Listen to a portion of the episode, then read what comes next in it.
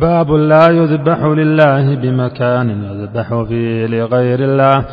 وقول الله تعالى لا تقم فيه أبدا لمسجد أسس على التقوى من أول يوم أحق أن تقوم فيه.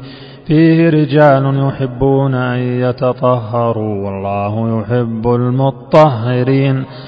وعن ثابت بن الضحاك رضي الله عنه قال نذر رجل أن ينحر إبلا ببوانة.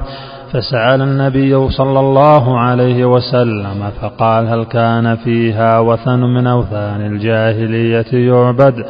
قالوا لا. قال فهل كان فيها عيد من أعيادهم؟ قالوا لا.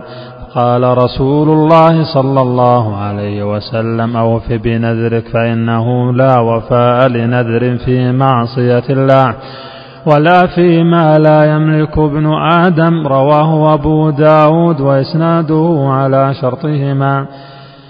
فيه مسائل. الأولى تفسير قوله لا تقم فيه أبدا الثانية أن المعصية قد تؤثر في الأرض وكذلك الطاعة.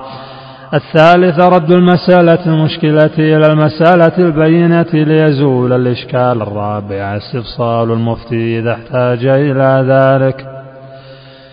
الخامس أن تخصيص البقعة بالنذر لا بأس به إذا خلا من الموانع السادسة المنع منه إذا كان فيه وثن من أوثان الجاهلية ولو بعد زواله.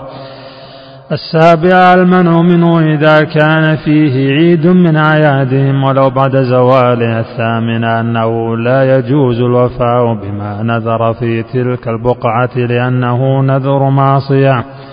التاسع الحذر من مشابهة المشركين في أعيادهم ولو لم يقصده العاشرة لا نذر في معصية. الحادية عشرة لا نذر لابن آدم فيما لا يملك.